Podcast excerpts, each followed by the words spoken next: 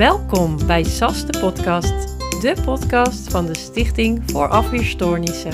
Kortweg de SAS. In deze podcast praten we over van alles dat te maken heeft met PID. Dat staat voor primaire immuundeficiëntie. Afweerstoornissen dus. En chronisch ziek zijn. Wij, Bibian, Elise en Janine, zijn jullie hosts in wisselende volgorde. Wij zijn als vrijwilliger betrokken bij de SAS. Wij zijn ervaringsdeskundigen en patiënten met een afweerstoornis. De persoonlijke ervaringen in de gesprekken zijn geen medische adviezen. Vergeet je niet op deze podcast te abonneren op jouw favoriete podcastkanaal. Volg onze socials en blijf op de hoogte over afweerstoornissen.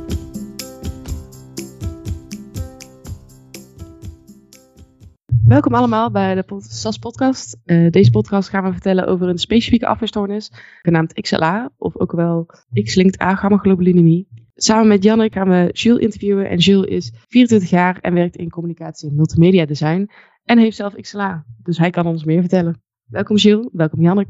Om onze vaste rubriek weer te starten gaan we dus beginnen met Dokter, wat zegt u nu? Dokter, wat zegt u nu? Dokter, wat zegt u nu gaat over alles wat je meemaakt in, in het zorgwelzijn van je leven. Wat alles wat een arts of verpleegkundige of iemand in de zorg tegen je heeft gezegd. Waarvan je denkt, dat is niet helemaal uh, correct of heel raar om te zeggen. Jules, vertel, wat uh, is jouw uh, dokter, wat zeg je nu? Nou, ik denk allereerst dat iedereen sowieso erover eens kan zijn dat huisartsen voor mensen zoals wij, en dan zeg ik mensen zoals wij als in patiënten met chronische, chronische aandoening. Zeldzame chronische ziektes. Zeldzame chronische aandoening. Dat huisartsen zijn niet onze, onze mensen, weet je. Ze zijn er niet voor ons. Wat, wat huisartsen natuurlijk doen in ons, ons mooie zorgsysteem is, is filteren. Uh, dat als iemand alleen een paracetamol nodig heeft, dat hij niet naar uh, het ziekenhuis hoeft. Weet je, dat we het ziekenhuis niet overbelasten. Maar ja, daarnaast moeten wij ook niet naar huis gestuurd worden met een paracetamol. En dat gebeurt dan eigenlijk nog wel te vaak. En eigenlijk wat ik het grappigste vind, zijn vaak tegenstrijdige uh, medicatievoorschriften. En dat is dan iets wat eigenlijk wat een patiënt helemaal niet zou moeten weten. Maar misschien omdat ik dan ook met mijn, met mijn specialist, mijn immunoloog, gewoon een redelijk goede band heb en daar veel over praat en geïnteresseerd ben. Uh, dat ik daar dan wat dingen over weet. En dat je dan een medicatie voorgeschreven krijgt. En dat je dan daarna over nadenkt zo van, oké, wat gaat dit dan doen? Waarom ga je dit voorschrijven? En dat uiteindelijk de uitkomst is, oh ja, omdat we dan, uh, dan gaan we je immuunsysteem onderdrukken. En dan denk ik altijd van, hè? Maar wat, wat ga je dan doen? Wat ga je onderdrukken? Je gaat, zeg maar, ik krijg medicatie al elke drie weken een infuus. En dat, dat ga je onderdrukken dan? Hoe werkt dit?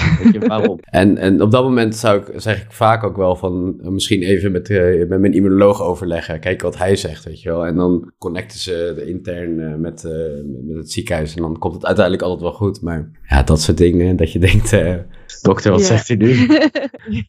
ja, zo van, leuk dat je iets wil onderdrukken wat al niet werkt, maar ik weet Ja. niet wat je dan werkelijk waar onderdrukt. ja, mis- misschien bij de zeg ik wel iets on- onzin of zo. Hè? Misschien is het wel gewoon soms nodig. afweer als het ware. Het zou Ja. best kunnen dat zo'n immunosuppressiva dan juist zeg maar de andere tak van je afweer zou onderdrukken. Maar het, het klinkt nog steeds Ja. wel een beetje tegenstrijdig, ja. Ja, maar ik ben sowieso niet zo'n fan van prednison en eigenlijk eh, hormoonachtige eh, immuunonderdrukkende dingen. Want ja, en geef maar mij die, gewoon die antibiotica. worden dan. wel, veel, veel patiënten krijgen die wel als de antibiotica, zeg maar, als je daar voorbij bent, dan komt prednison in beeld, zeg maar. Ja, nee, dat is zeker. Zelfs de mensen die het nodig hebben, die het gebruiken, zelfs die zeggen, ik gebruik het liever niet, als het niet Nee, nee, precies. Maar uiteindelijk is het dan het enige. En dan, ja.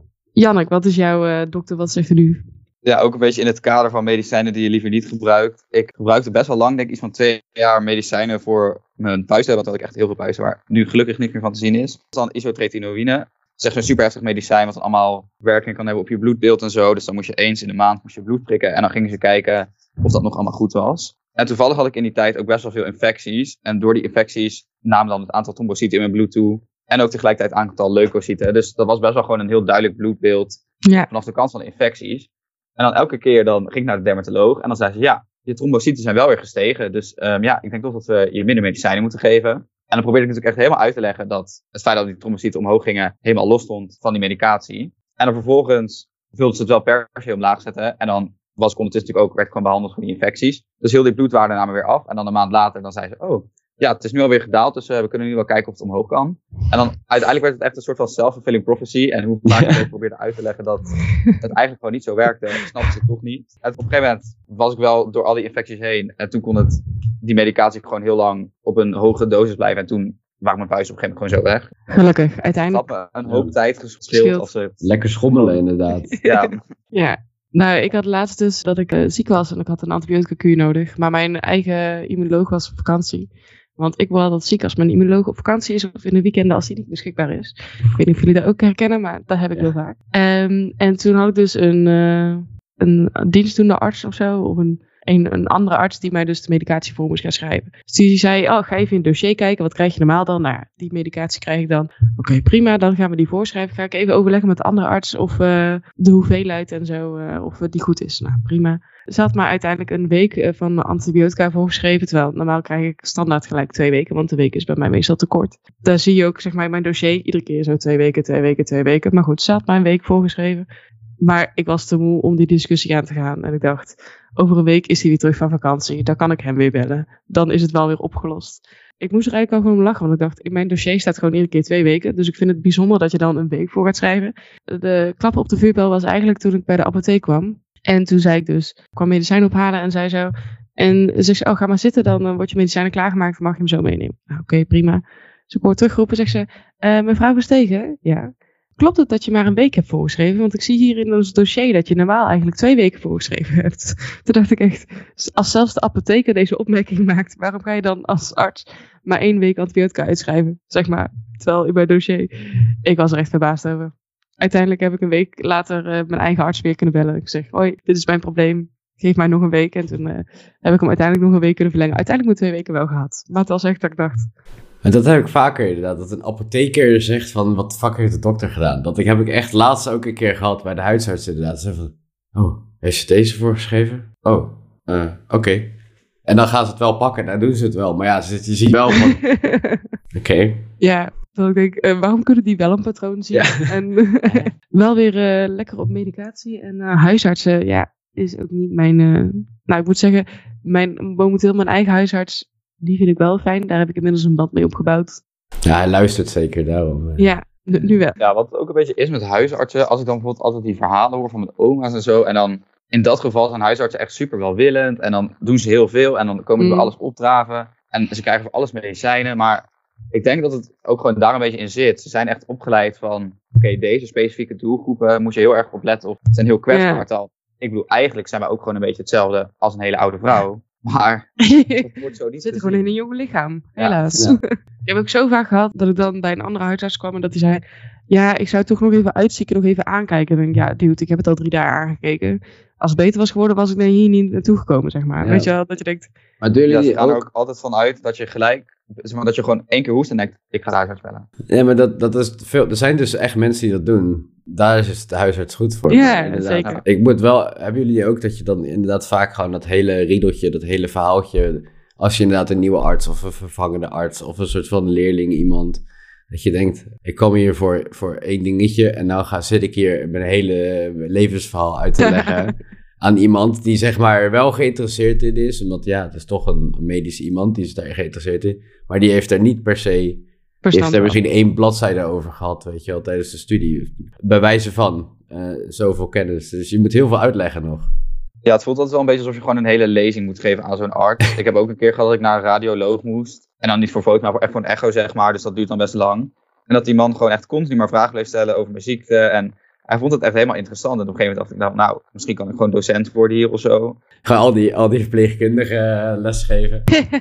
We hebben wel een initiatief met een SAS student meets patiënt. Dus dan kun je een groep geneeskundestudenten jouw verhaal... Kunnen de geneeskundestudenten brainwashen ja. om immunoloog te worden. 30 tegelijkertijd ongeveer, dan... Uh... Wordt immunoloog. Nou, leuk om jullie verhaal te horen. Ook heel herkenbaar moet ik zeggen hoor.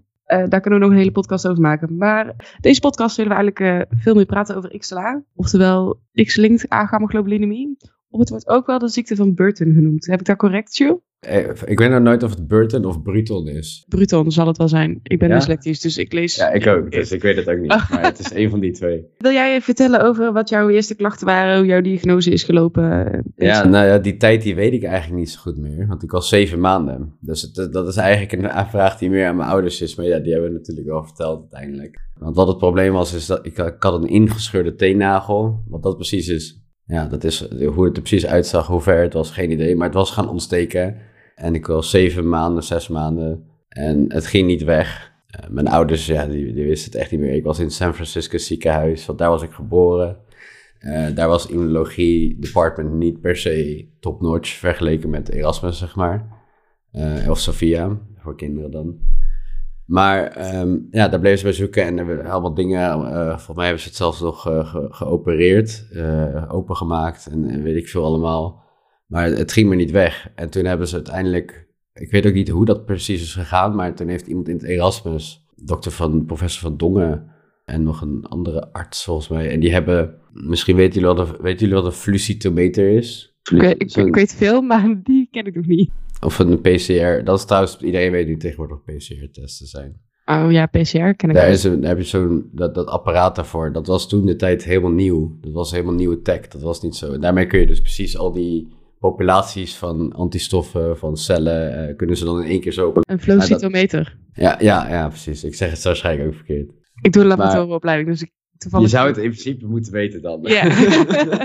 oh ja, dat ding. Ja, een flowcytometer, Oh ja, ja, die ken ik wel. Die met de puntjes, ja, ja. Maar goed, die- was helemaal nieuw in het Erasmus. En die hadden zij net daar, maar die hadden ze nooit echt gebruikt. En dat was dus ook niet echt common eh, practice om dat te doen. Maar ze hadden dus de luchtwacht gekregen. Oh, dus een patiënt die eh, infecties, klein kindje. En toen hebben ze me naar het eh, Sophia gestuurd. En daar hebben ze dus zo'n eerste eh, meting gedaan met dat eh, apparaat. En ja, daar zag je eigenlijk gelijk dat er gewoon geen eh, antistoffen, maakt niet uit welke, IgG, IgE, IgA, alle smaken, ze waren er allemaal niet. En dat wijst eigenlijk meteen op Burton of een Bruton, dan zeg ik het ook verkeerd. Ik heb het even opgezocht, het is Bruton, ja. Bruton is... Burton is een snowboardmerk. Ja, oh ja, ja, daar heb ik toevallig een rugzak van. Ja, ja, dat gaat fout. Dus dat, dat wijst eigenlijk op Bruton. Dus dat was gelijk van, oh ja, nee, dat is dan dit. Dus eigenlijk was heel snel de diagnose toegesteld nadat ze dat apparaat hebben gebruikt. En ik ben volgens mij ook, mijn eh file is dus ook 0001. Zeg maar de allereerste case van de flucitometer eh, in het dossier eh, in, in het Erasmus. Dus dat is best cool en dat is ook best fijn dat ze dat hadden toen. Dus ik was gelijk gediagnosticeerd en dus gelijk mijn eerste infuus kreeg ik dus een paar weken daarna al volgens mij. Eh, en sindsdien heb ik elke drie weken een infuus gehad. En nu Ah. zijn we hier, 2022. Dat is Ja. wel interessant om te zien hoe die technologie steeds verder vooruit is gegaan. Ik weet nog wel vroeger dan moest ons bloed, ja, kon uit Den Bosch. En dan moest het, konden ze dat in Den Bosch niet doen. En dus dan moest het altijd naar Amsterdam. En dan moesten ze dat helemaal Ja. in Amsterdam gaan testen. Terwijl tegenwoordig is zo'n antistoffentest eigenlijk iets wat ze Ja, bij een standaard bloedbuis zou aanvragen. Nou ja, ze hebben het gezien met corona, die zelftesten. Dat is toch ook absurd eigenlijk. Dat je gewoon zo in één keer kunnen testen op zo'n klein plastic testje. Dat, we kunnen zien wat, het, wat erin zit. Dus dat is echt, dat soort dingetjes zijn heel cool, vind ik. Sindsdien eigenlijk niet heel veel ziek meer geweest, dus... Nee, ja, eigenlijk sindsdien is het eigenlijk allemaal vrij eh, stabiel geweest. Want die, die medicatie, dat, dat werkt gewoon goed. Dus dalspiegel op peil houden, dat, dat kennen jullie misschien wel. Dat is het vooral. Maar dat, eigenlijk heb ik sinds, eh, sinds ik zestiende of zo, heb ik echt altijd een hele hoge eh, dalspiegel gehad. Altijd eh, boven de 12 volgens mij. En momenteel zit ik zelfs iets van 16 of zo. Het is echt bizar. Maar ik krijg ook een hele hoge medicatie, want ik heb wel wat problemen gehad. Ja, Eh, ik kreeg vroeger eh, wel, nog wel eens een infectie, echt een heftige darmbacterie, meestal voor de zomer ook. Dus ik heb echt Ah, meerdere keren ook, zeg maar, begin van de zomervakantie, nog allemaal pillen geslikt in Italië, weet ik veel wel. En dan niet die pillen, maar gewoon echt medicatie, antibiotica, eh, alleen maar helemaal wit de hele dag. Gewoon echt heel ziek. En een longontsteking of twee, denk ik, het hele leven. En ik heb een keer een infectie gehad hier. Dit was hier zo open gegaan en toen was er een bacterie-infectie ingegaan. Dus het was helemaal zo hier dik geworden.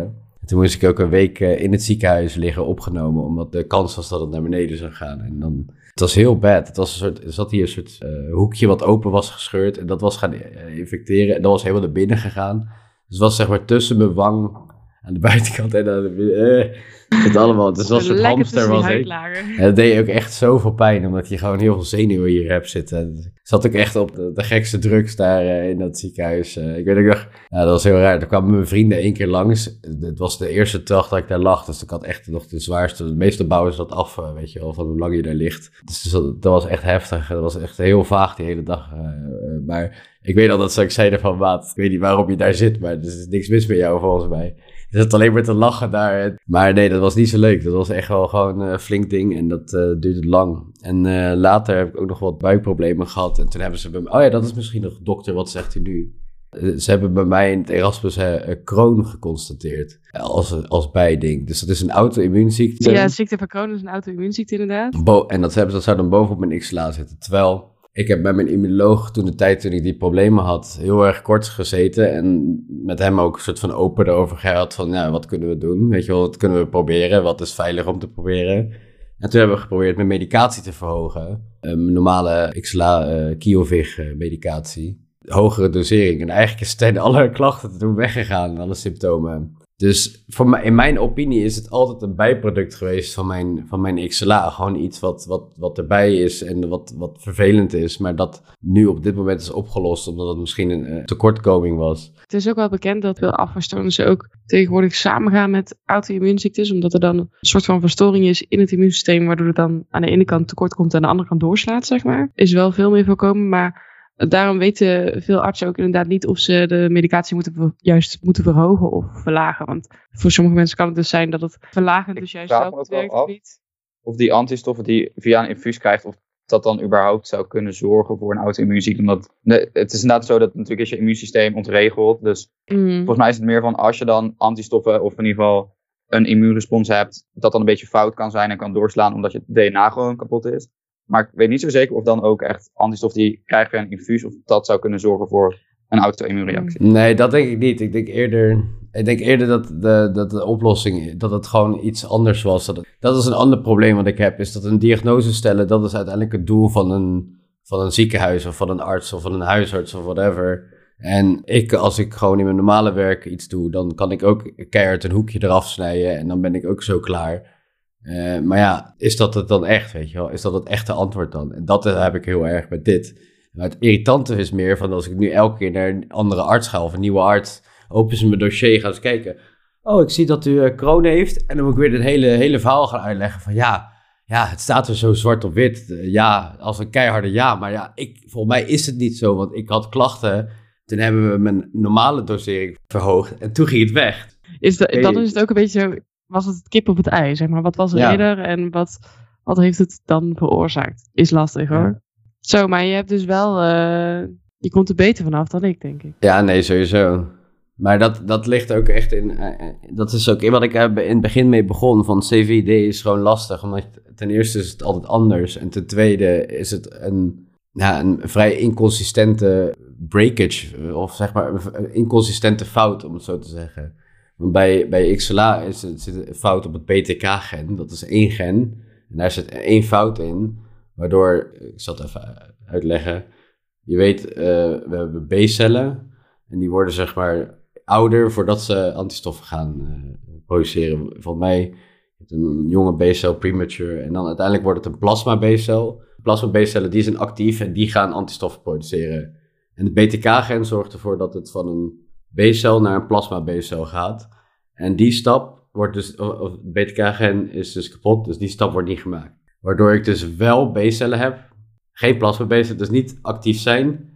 Ehm, dus alles daarvoor heb ik wel, maar alles daarna niet meer. Dus alles daarna is, eh, is alle antistoffen, eh, IgG, IgA, IgE. Dus eigenlijk is het zo, jouw B-cellen worden niet volwassen en kunnen daarom dus geen antistoffen maken. Ja, waardoor ik dus geen antistoffen heb. Helemaal niks, nul. En daarom denk ik dat ik minder problemen heb, omdat als ik een eh, antistoffen van donoren krijg, is er geen conflict tussen mijn antistoffen en mijn eigen eh, immuunsysteem en de antistoffen die ik aangekregen eh, krijg. Want ik heb niet dezelfde dingen. Bij mij het is echt gewoon een. een, een Je hebt niks van jezelf, dus opgevuld. alles, ja, alles wat En bij jullie, zo, bij CVD, kan ik me voorstellen dat het eerder wat vaker misschien clasht. Van, oh, ik, je hebt nog zelf een beetje, dus dat wil je soort van eer meer gebruiken. Of dit is toch, dat, dan kun je toch eerder zien, dat, oh, het is een andere. Dus nee, ja, ik heb niet zoveel te klagen, nee.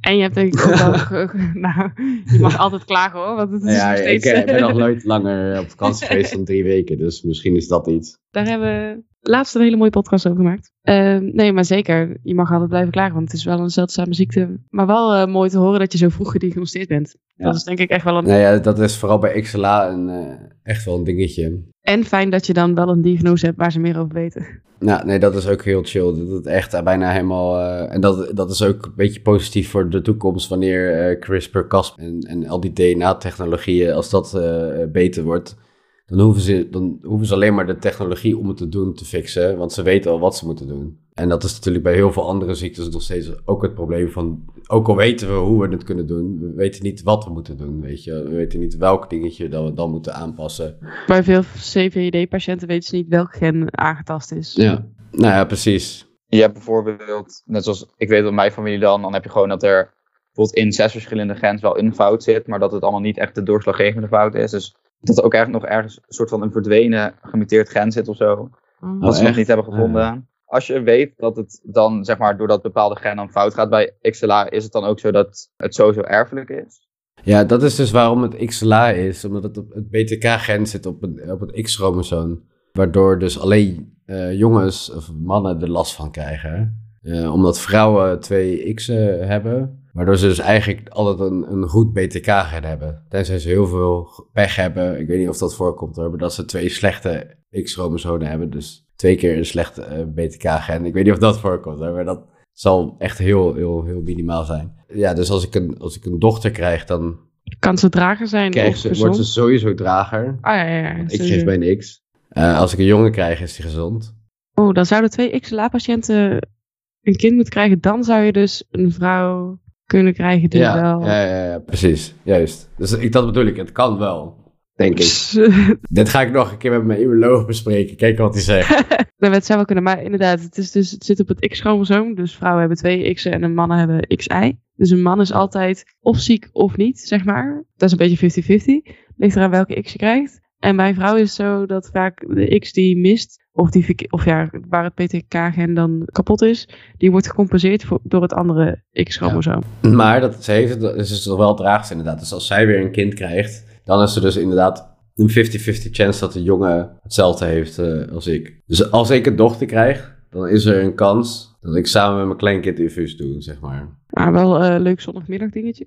Ja, maar ik denk ook dat tegen die tijd dan, we- dan bestaat het helemaal niet meer, joh. Ik hoop dat we dan tegen die tijd inderdaad zo'n mooie techniek als CRISPR-Cas kunnen gebruiken. Dat zou eh, ideaal zijn. Ga Heb het jij- uitvinden. Nee. Ja, ik ben ermee bezig. eh, dan. Even opschieten.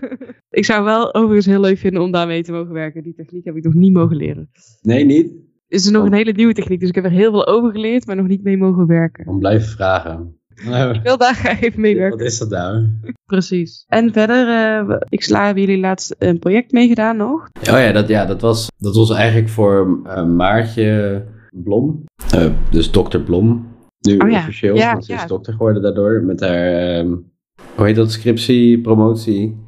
Eh, en dat ging eigenlijk over eh eh, XLA, op XLA in de hielprik te krijgen. Dus de hielprik kun je bij een pasgeboren kind nemen ze een beetje bloed af van de hiel. En daarin staan nu eh, momenteel, kun je opzoeken, een hele lijst met ziektes die ze dan in één keer kunnen, eh, genetische ziektes die ze in één keer kunnen checken. En XLA is eigenlijk een perfecte ziekte om daar ook op te hebben. En dat was eigenlijk een soort van eh, het hele onderzoek van bewijs te verzamelen van waarom moet die in die hielprik erbij. En nou ja, eigenlijk ben ik, vind ik altijd wel een beetje een bewijsstuk van, ik heb niet per se heel veel problemen in vergelijking met sommige andere XLA-patiënten die echt wel op een heel laat stadium gediagnosticeerd zijn. Ik ken die, voor mij heb ik iemand een keer gesproken, die was op zijn 35ste of zo pas gediagnosticeerd. Dan heb je dus 35 jaar zonder antistoffen geleefd. Dat is bizar, hè? Maar dat, het kan dat wel. je dat dus. overleefd hebt eigenlijk. Ja, nee, ja, maar moet je er maar nagaan. Dat zal niet heel makkelijk zijn gegaan. Er zal echt heel veel antibiotica aan te pas zijn gekomen. Maar het feit dat iemand dat dat niet is gezien ook, dat, is ook frustrerend. En ja, dat soort voorbeelden, die mensen hebben heel veel littekenweefsels op de longen. Die hebben, ja, gewoon dat, dat laat heel veel scars achter eigenlijk, op heel veel verschillende manieren. Dat wil je gewoon niet. Dus eh, als je een kind krijgt en je ziet gelijk bij geboorte op, in de hielprik, oh, ik sla, dan denk ik, in mijn mening, in mijn ervaring, van hé, hey, dan gaat het wel een stuk beter zijn. Ja, het is niet hetzelfde als dat niet hebben, maar het is ook weer niet zo erg als dat je elke dag eh ermee geconfronteerd wordt. Ik heb oprecht wel eens in de auto gezeten met, eh, met mijn vriendin, dat ik onderweg was naar het strand. En dat ik dacht, ja, lekker dagje strand en met vrienden lachen. En dat ik dan opeens een belletje krijg van eh, mijn verpleegkundige. Die zegt, hey, ik sta voor je deur, waar ben je? Hè? Oh, vandaag. Gewoon infuus vergeten ben, weet je wel. Zover gaat het, dat ik het gewoon, het gewoon wegstop. Ja, dat was wel echt een kutmoment. Hè. Dat kon ik dus niet naar het strand. En dat was, Dat- was Ik heb er ook wel, eens, ook wel eens gehad dat ik achteraf gebeld werd door het ziekenhuis. eh, ja, hallo, je bent niet op komende dagen op je afspraak. Dat, Ja, dat kost geld, hè, volgens mij. dat, was, eh, dat was een beetje zuur geld. Toen was ik het ook vergeten en toen, eh, toen zei mijn arts ook naar de hand... Eigenlijk wel een goed teken dat je het vergeten bent. Want dat betekent dat je vrij weinig last van iets hebt, zeg maar. Als je dan als je goed en steady gaat en je hebt Ja. er last van, dan is er van top. Dan hoef je niet langs te komen, zeg maar. hey, wat mooi dat je wilde vertellen over eh, XLA. Een hele hoop geleerd. Dus kun je nog dingen bedenken dat je denkt... Oh, nou, ik heb zit te denken inderdaad. Jan, had jij nog dingen die je wilt weten van XLA? Het is wel allemaal heel duidelijk, moet ik zeggen. Ja, de- de- precies. Het is vrij straightforward. En ehm, het enige wat ik misschien nog kan zeggen is eh, behandeling-wise heb ik nog een keuze om, om natuurlijk ook subcutaan of high-Q via een nieuw soort subcutaan te werken. Doe ik niet. Ik ben eigenlijk altijd met intraveneus eh, gewend. Eh volgens mij jij ook, Bibian. Vind ik ook altijd heel belangrijk als je nieuwe patiënten hebt, dat ze weten dat er, dat er andere medicatie is. Ja, nee, ja, dat is zeker. Dat, ja. Maar goed, om nog even af te sluiten. Quote van de dag. Wat was de quote van de dag? Wat eh hebben jullie van dit gesprek het meest onthouden? Ja, en ik vond het ook wel een goede quote. Wat eh, jij zei, Jules, dat het gewoon heel belangrijk is dat die diagnoses wel vroeg komen. Dat je daar wel gewoon heel veel schade mee verhelpt. Dat vond ik ook een goede quote. Ja. Ja, zeker in het geval van XLA. En ik denk ook bij CVD dat natuurlijk je, dat, eh, dat de behandeling Ja. wel op ene, in- tot zekere zin werkt. Maar het is meer inderdaad dat dan hoe ver de werking is. Dat weet je niet zeker bij eh, CVD. En bij XLA kan je, je vrij zeker zeggen, nou, het is trouwens niet helemaal de oplossing, bedenk ik me nu. Maar goed, dat is een ander verhaal. Ik krijg, dat was ook voor jullie. Ik krijg alleen IG, ik krijg alleen IgG natuurlijk. Het zijn Ja, nog andere antistoffen die ik dan dus nu niet heb. Maar IgG is eigenlijk zo groot de Het maakt, het, het maakt het levenskwaliteit een stuk beter om het vroeg te diagnosticeren. Weet je wat ik Dat wel je dan geen allergische reactie krijgen als je toch geen IgE hebt? Dat ik, of ik dat niet, dat ik dan geen allergische reactie Ja, heb. want volgens mij wordt een allergische reactie Ja. veroorzaakt door IgE. Dus dat zou dan... Die Ja, moet ik heb volgens mij ook nog nooit een allergische reactie echt gehad. Zou best kunnen. ik weet niet. Ze doen dat is het mooie van het immuunsysteem. Ze doen het nooit alleen. hè. Het is echt een soort klokkenspiel, eh, een soort orkest. Ja, het is sowieso fascinerend. Want zoals je natuurlijk zei van die persoon met XLA die daar dan 35 jaar mee rondloopt. Het is echt bizar. Alleen het kan natuurlijk wel, want je hebt nog steeds inderdaad die T-celkant van de afweer. Dus er is uite- uiteindelijk altijd nog wel iets wat Ja. doet. Bedankt voor het luisteren. Doe van alles, zoals abonneren en subscriben en reacties en liken en zo. Bedankt Jules en Janneke voor eh, weer aanwezig te zijn. Eh Jules, jij natuurlijk heel erg bedankt voor alles vertellen over XLA. Bedankt voor het luisteren naar deze aflevering van SAS de podcast. De podcast van de Stichting voor Afweerstoornissen. Vergeet je niet op SAS de podcast te abonneren op jouw favoriete podcastkanaal. Volg onze socials en bezoek onze website www.stichtingvoorafweerstoornissen.nl en blijf op de hoogte over PID.